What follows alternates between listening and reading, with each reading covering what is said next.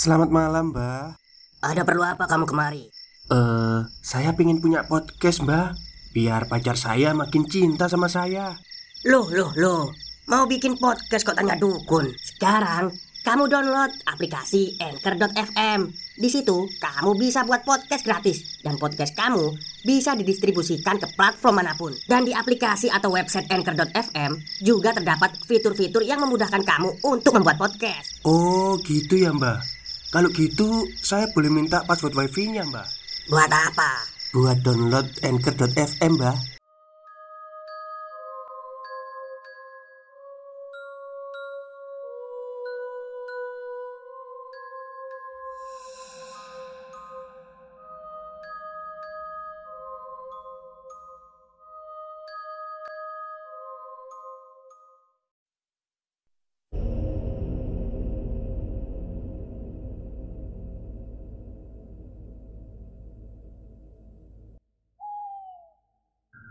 Assalamualaikum warahmatullahi wabarakatuh. Halo semuanya, jumpa lagi dengan saya Chow Sing Sing, kurator dari Podcast Horror Night Story. Halo apa kabar semuanya, semoga kalian semua sehat-sehat ya. Dan seperti biasanya pada siang hari ini saya kembali Dan akan menghadirkan sebuah kisah mistis untuk kalian semua Kisah mistis kali ini saya datangkan dari tweet twitternya Mas Bri Story Tentang misteri lima penumpang Yang menuju sebuah desa yang tak berpenghuni. Seperti apa kisahnya? Mari kita simak. Gak memandang apa pekerjaan kita. Mereka akan datang dengan keseraman tanpa diduga Dengan berbagai bentuk yang gak tertebak. Malam ini, simak pengalaman seorang supir travel di salah satu bagian Sumatera. Hanya di sini, di Bri Story. Lampung, Circa 1998 Hati-hati bang, udah malam ini Kenapa nggak besok aja lagi sih nariknya? Hehe, tanggung man Setoran masih belum setengahnya ini. Nanti bos marah. Nyaris jam 11 malam. Ketika aku masih berada Di pelabuhan Bakaehuni, Lampung. Percakapan dengan Iman Rekan sejawatku Sejenak membuyarkan lamunan. Ya begitu Sudah menuju tengah malam Tetapi aku belum dapat memenuhi target setoran. Setengahnya pun belum. Makanya, aku memaksa untuk bekerja sampai larut malam seperti ini. Padahal sebelum-sebelumnya, paling malam jam 9 sudah selesai. Sudah nyaris 10 tahun aku bekerja sebagai supir travel dengan trayek Bakahuni, Bandar Lampung. Sudah terbilang banyak makan asam garam Merasakan pahit getirnya pekerjaan ini. Entah kenapa Beberapa hari belakangan penumpang sungguh sepi. Bisa dihitung dengan jari ketika mobilku terisi penuh Yaitu 12 penumpang.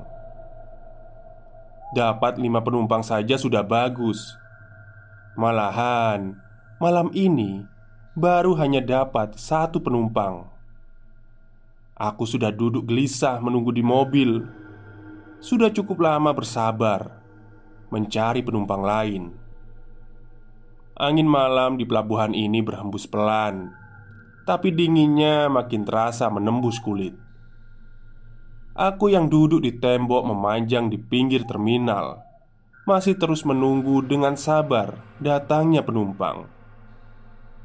Syukurlah Jam 11 lewat sedikit. Ada kapal merapat Yang datang dari pelabuhan Merak. Pasti bakal ada calon penumpang untukku. Dari jauh aku perhatikan Memang banyak penumpang yang turun dari kapal itu. Secercah harapan makin terang. Ketika kalau diperhatikan Banyak yang berjalan ke tempat di mana mobilku terparkir. Masa iya nggak ada yang jadi menumpang? Tapi satu persatu yang datang hanya lewat saja ternyata. Ada yang ke tempat penjemputan mobil pribadi, dan ada juga yang langsung menuju terminal bis besar. Belum ada yang datang dan masuk ke mobil travelku. Duh, gak dapat penumpang lagi. Sialan. Aku bergumam sendirian ketika akhirnya gak ada satupun orang yang masuk ke dalam mobilku. Mengarah pun tidak. Beberapa menit kemudian, jalur keluar penumpang kembali kosong. Akan ramai lagi kalau ada kapal yang merapat. Itu yang terus jadi perputaran nasib dan rejeki buat aku dan teman-teman seprofesi. Tapi di tengah-tengah kegalauan, dari jauh aku melihat ada penumpang yang datang sendirian, menyusuri jalur penumpang datang dari pintu keluar. Penumpang ini sangat menarik perhatian karena biasanya akan ada supir atau kernet yang datang mendekat. Tapi kali ini enggak. Sama sekali enggak ada orang yang menawarkan angkutan yang akan mengantar ke tempat tujuan.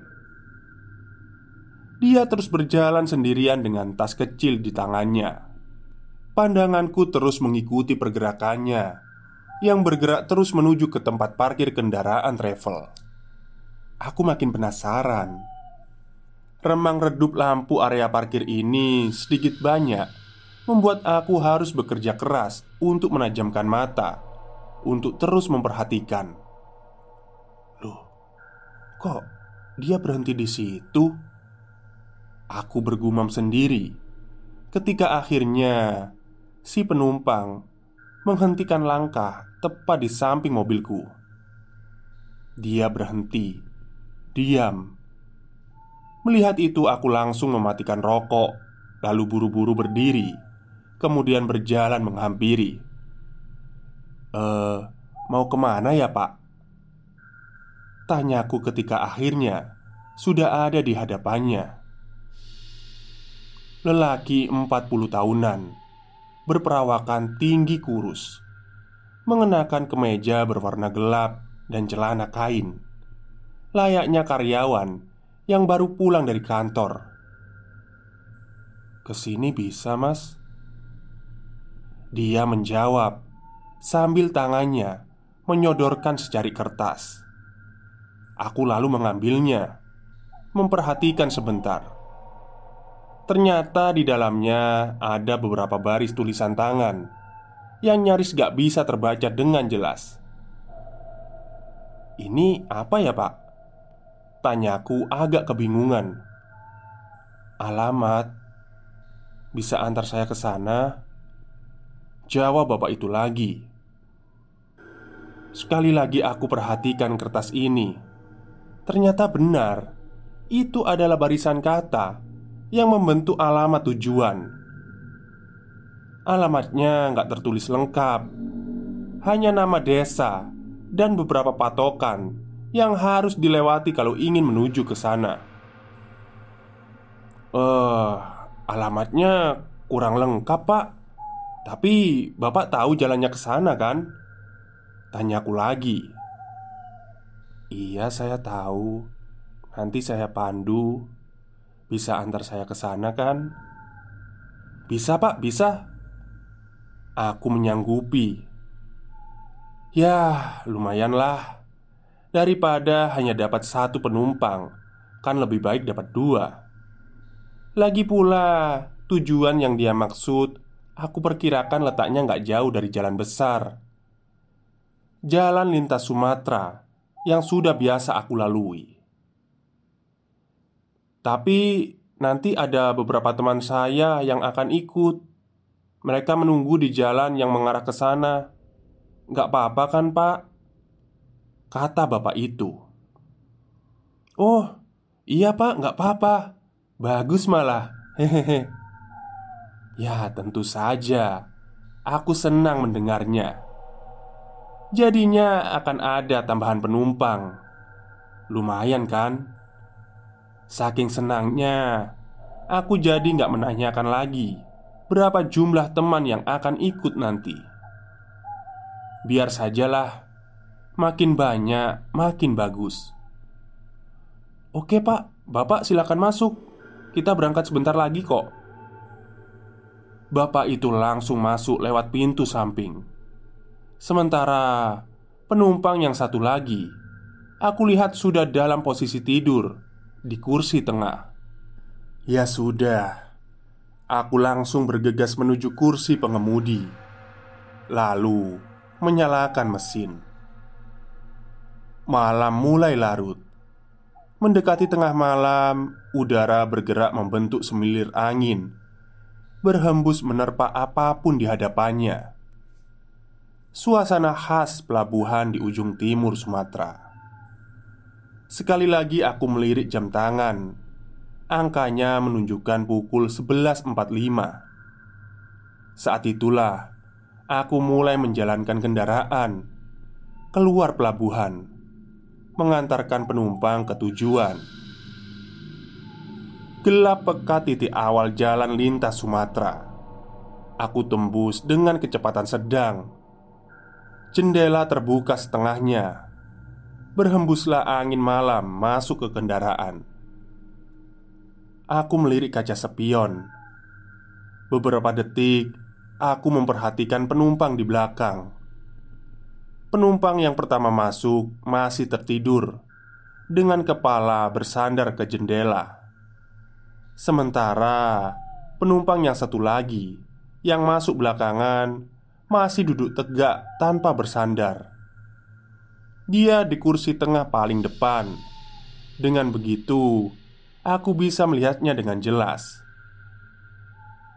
Beberapa belas kilometer pertama, jalanan selepas pelabuhan menanjak dan menurun dengan banyak tikungan yang menantang.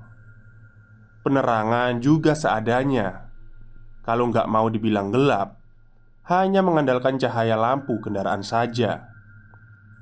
Ditambah, jalanan juga bisa dibilang sepi, lebih sepi dari biasanya. Memang sih, ini bukan akhir pekan atau masa liburan, tapi ini terhitung sangat sepi. Kendaraan yang melintas hanya segelintir yang searah denganku ataupun yang berlawanan. Sepi, benar-benar sepi. Sudah biasa dengan yang seperti ini. Sudah sering sekali menyusuri jalanan sepi tengah malam. Aku hanya harus tetap fokus dan berkonsentrasi. "Bang, aku berhenti di depan aja di Kalianda." Tiba-tiba aku dikagetkan oleh suara salah satu penumpang. Sontak aku langsung melirik ke spion untuk melihat ke belakang. Ternyata yang bilang begitu adalah penumpang yang sejak tadi tertidur. Penumpang pertama. Loh, bukannya mau turun di Raja Basa, Pak? Tanya aku meyakinkan. Gak usah di Kalianda aja. Dia langsung menjawab seperti itu. Sambil sekilas aku melihat ada raut ingin bergegas di wajahnya. Ya sudahlah, aku akan ikuti. Gak mungkin juga aku memaksanya sampai ke Raja Basa Karena di awal naik tadi Dia bilang tujuannya ke sana Kalianda masih berjarak beberapa menit lagi Tapi Lagi-lagi penumpang ini bersuara Bang, bang, stop bang. Aku turun di sini aja. Dia bilang begitu. Loh Kali anda masih di depan loh pak. Sebentar lagi Timpalku. Iya nggak apa-apa. Aku turun di sini aja. Stop stop. Bersikeras bapak itu ingin turun. Ya sudahlah Aku nggak bisa memaksanya Seketika itu juga aku menepi dan menghentikan mobil. Hanya kira-kira beberapa menit dari Kalianda. Untungnya kami berhenti persis di depan restoran besar Yang terlihat masih ada kegiatan walaupun sepi Ketika mobil sudah benar berhenti Bapak ini langsung turun Lalu berjalan ke pintu depan dan membukanya Bang, kalau bisa jangan lanjut perjalanan. Istirahat aja di restoran ini. Lanjut besok pagi. Katanya setengah berbisik. Memangnya ada apa pak? Ini masih ada satu penumpang lagi yang harus kuantar. Belum bisa istirahat. Jawabku kebingungan. Ya sudah. Yang penting aku sudah mengingatkan. Hati-hati ya bang Setelah bilang begitu Si bapak langsung menuju pintu Dan buru-buru berjalan menuju restoran dalam perjalanan menjauh, sesekali dia menengok lagi ke belakang, melihat kendaraan. Emangnya ada apa sih? Kenapa tadi dia ngomong gitu? Ah, entahlah. Aku nggak tahu dan belum mau tahu. Beberapa menit kemudian, aku lalu injak gas lagi, melanjutkan perjalanan masih ada satu penumpang lagi yang harus diantarkan. Malam semakin larut, gelap menyelimuti. Satu bagian kecil tanah Sumatera sedang aku susuri dalam detik dan menit yang berurut. Suara mesin kendaraan hanya satu-satunya yang terdengar. Selebihnya sepi, mengemuka. Angin makin dingin Aku tutup sedikit kaca jendela. Aku melirik spion. Penumpang di belakang masih saja duduk tanpa bersandar, menjadikan posisinya cukup jelas kelihatan. Oh iya, aku hampir lupa. Kan katanya ada teman-teman penumpang ini yang akan ikut naik di tengah-tengah perjalanan. Eh, maaf, Pak. Teman-temannya naik dari mana ya, Pak? Kataku sambil melirik spion. Di depan. Nanti saya kasih tahu. Jawabnya datar. Baiklah Aku ikuti saja perintahnya. Sambil terus memperhatikan jalan Yang makin sepi saja. Kalau aku nggak salah kira Alamat yang dituju oleh penumpang ini adalah Satu daerah yang agak pedalaman keluar dari jalan utama yang sedang aku susuri ini. Belokannya pun aku mengira-ngira saja. Sudah sekitar 15 menit kami melewati kali Anda. Seharusnya persimpangannya sudah dekat menurut perkiraanku. Pak, maaf, belokannya yang mana ya? Saya takut salah, tanyaku lagi. Sebentar lagi, Mas. Nanti saya kasih tahu. Penumpang ini masih menjawab datar. Lagi-lagi, aku harus diam dan terus melajukan kendaraan. Roda-roda terus menggelinding, menyusuri dinginnya aspal malam. Suaranya berdesakan dengan mesin yang menderu pelan, melaju dengan kecepatan sedang. Desir angin dingin yang masuk lewat celah jendela Menerpa wajah Yang sejak tadi sudah merasa kaku Sedikit mengantuk.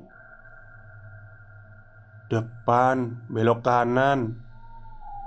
Suara dari belakang membuyarkan lamunanku. Oke pak. Benar saja Di kejauhan Aku melihat ada jalan masuk menuju sisi kanan jalan. Terpaan cahaya lampu sorot membuat aku bisa melihatnya, walaupun samar. Jalan masuk yang ditandai oleh gapura lusuh yang terbuat dari kayu. Setelah sudah sampai persis di depannya, aku memutar setir mobil ke kanan yang tadinya sudah sepi dan gelap. Makin menjadi ketika kendaraan sudah berbelok ke kanan, masuk ke jalan yang agak selebar jalan utama, namun masih tetap beraspal. Stop, stop. Kita break sebentar. Jadi gimana? Kalian pengen punya podcast seperti saya? Jangan pakai dukun, pakai Anchor. Download sekarang juga. Gratis. Itu teman-teman saya. Baru beberapa belas meter melewati gapura. Penumpang di belakang bilang begitu. Aku nggak menjawab, malah memicingkan mata, mencoba melihat kejauhan sampai batas terjauh lampu kendaraan. Benar saja, aku melihat ada yang sedang berdiri di pinggir jalan. Aku menebaknya ada sekitar empat atau lima orang. Mereka berdiri dalam gelap. "Ini orangnya, Pak?" tanyaku lagi. Iya, yang itu. Aku mengurangi lagi kecepatan yang memang sudah pelan sejak belok tadi. Beberapa saat kemudian, aku hentikan kendaraan tepat di depan orang-orang ini. Menghitungnya lagi, dan benar ada empat orang: tiga laki-laki dan satu perempuan.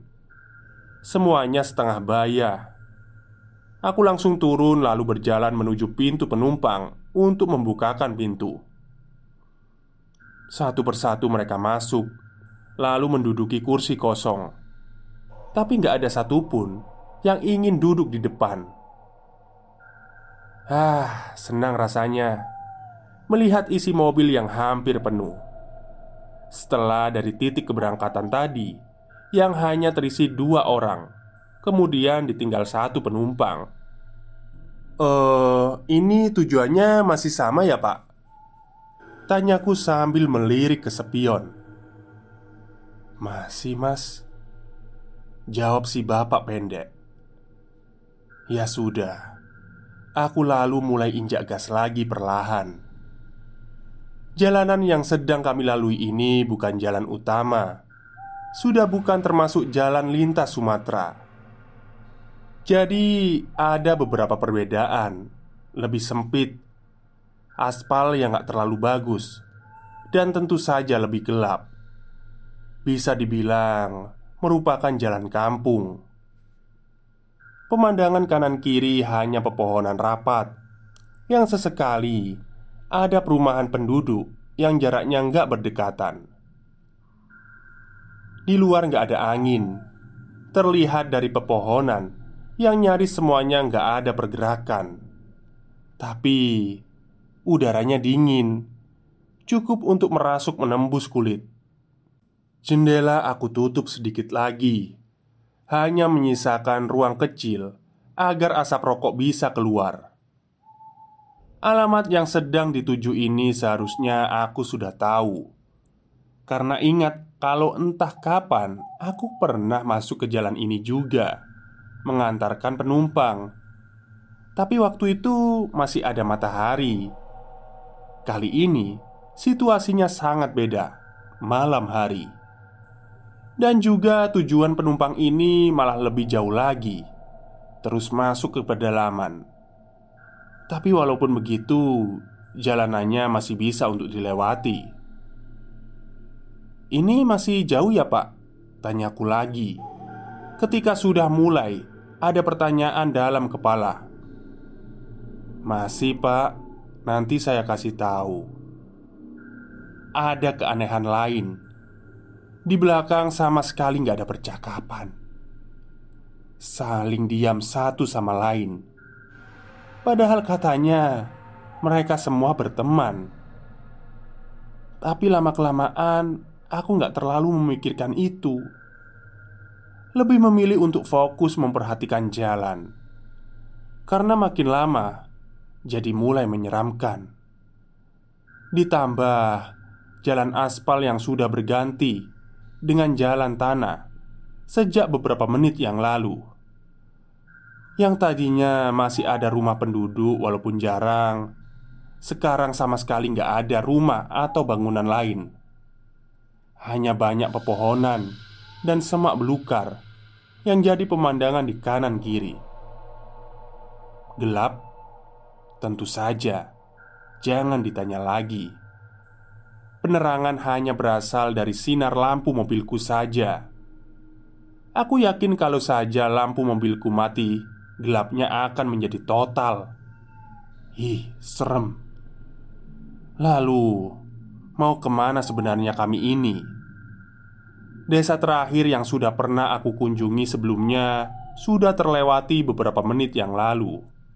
Setelah itu, sama sekali aku nggak kenal daerah ini. Sama sekali belum pernah ke sini sebelumnya. Belok kanan ya. Suara penumpang belakang memecah sepi. Suaranya pelan, tapi cukup membuatku kaget. Aku nggak menjawab apa-apa. Aku ikuti saja omongannya, berbelok ke kanan. Roda mobil terus berputar, menelusuri jalan sepi ini menembus malam. Sekitar 50 meter setelah belokan tadi, aku melihat ada gapura lagi. Sangat samar karena bentuknya sudah kusam dan seperti berlumut. Gak jelas karena gelap dan sambil jalan. Aku jadi gak bisa membaca tulisan yang ada di gapura ini. Terus injak gas pelan. Aku perlahan melewati gapura yang sepertinya merupakan batas suatu desa. Entah desa apa itu. Berhenti, Mas. Tiba-tiba salah satu penumpang bilang begitu. Aku langsung menginjak rem. Di sini, Pak. Iya. Padahal kanan dan kiri jalan sama sekali nggak ada rumah atau bangunan.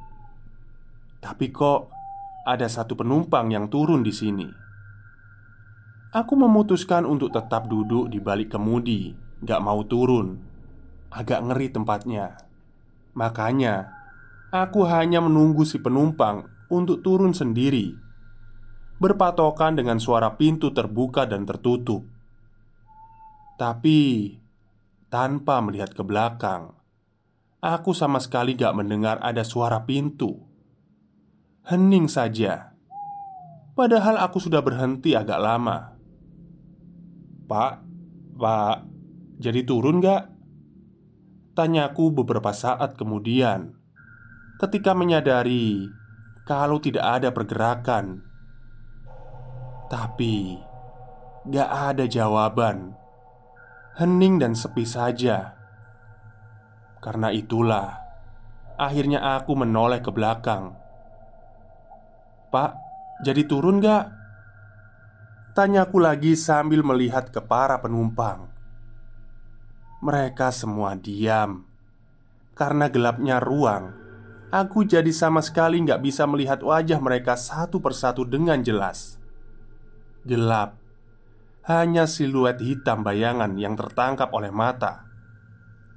Pak Sekali lagi aku bertanya Masih nggak ada jawaban Tapi akhirnya Aku menemukan ada keanehan yang mendadak membuatku merinding. Gak sengaja, aku menghitung penumpang itu. Satu, dua, tiga, empat.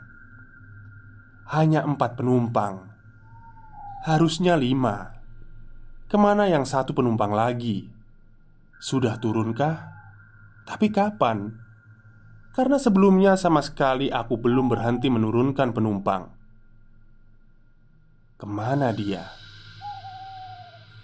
Sudah turun baru saja Dalam gelap Salah satu penumpang Yang aku nggak tahu yang mana bilang begitu Sudah turun Kok aku nggak mendengar pintu terbuka Apalagi melihat orangnya turun.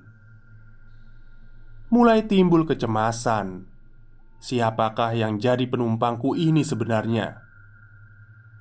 Eh, cuma satu yang turun pak Tanyaku. Iya.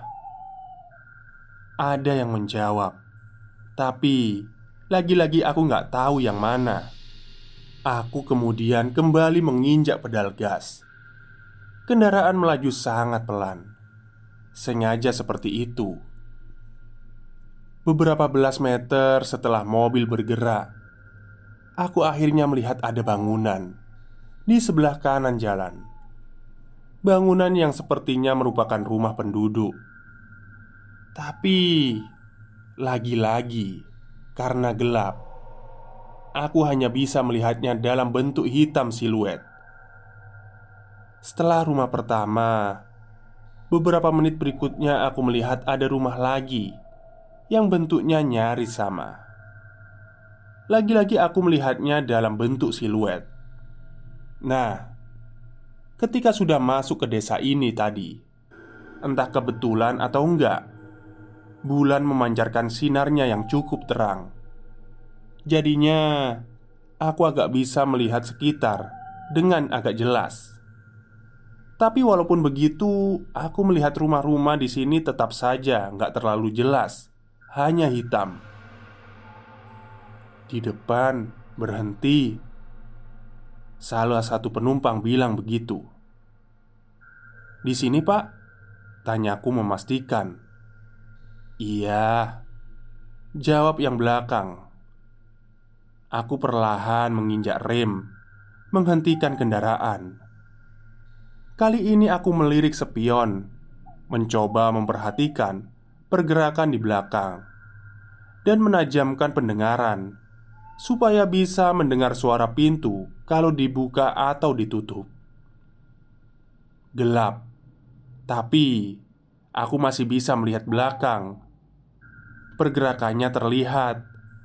Salah satu penumpang memang bergerak menuju pintu, tapi beberapa belas detik kemudian, yang padahal aku menunggu suara pintu terbuka Ternyata nggak ada. Sama sekali nggak ada suara pintu. Tiba-tiba Sudah pak. Nah Apalagi ini? Sontak aku menoleh ke belakang. Ternyata benar Hanya tinggal tiga penumpang Gimana caranya penumpang tadi turun? Karena pintu sama sekali nggak terbuka di sini, aku mulai ketakutan. Aku makin merasa kalau ini ada yang aneh. Gak menunggu perintah lagi, aku langsung injak gas. Kali ini agak cepat, masih sama.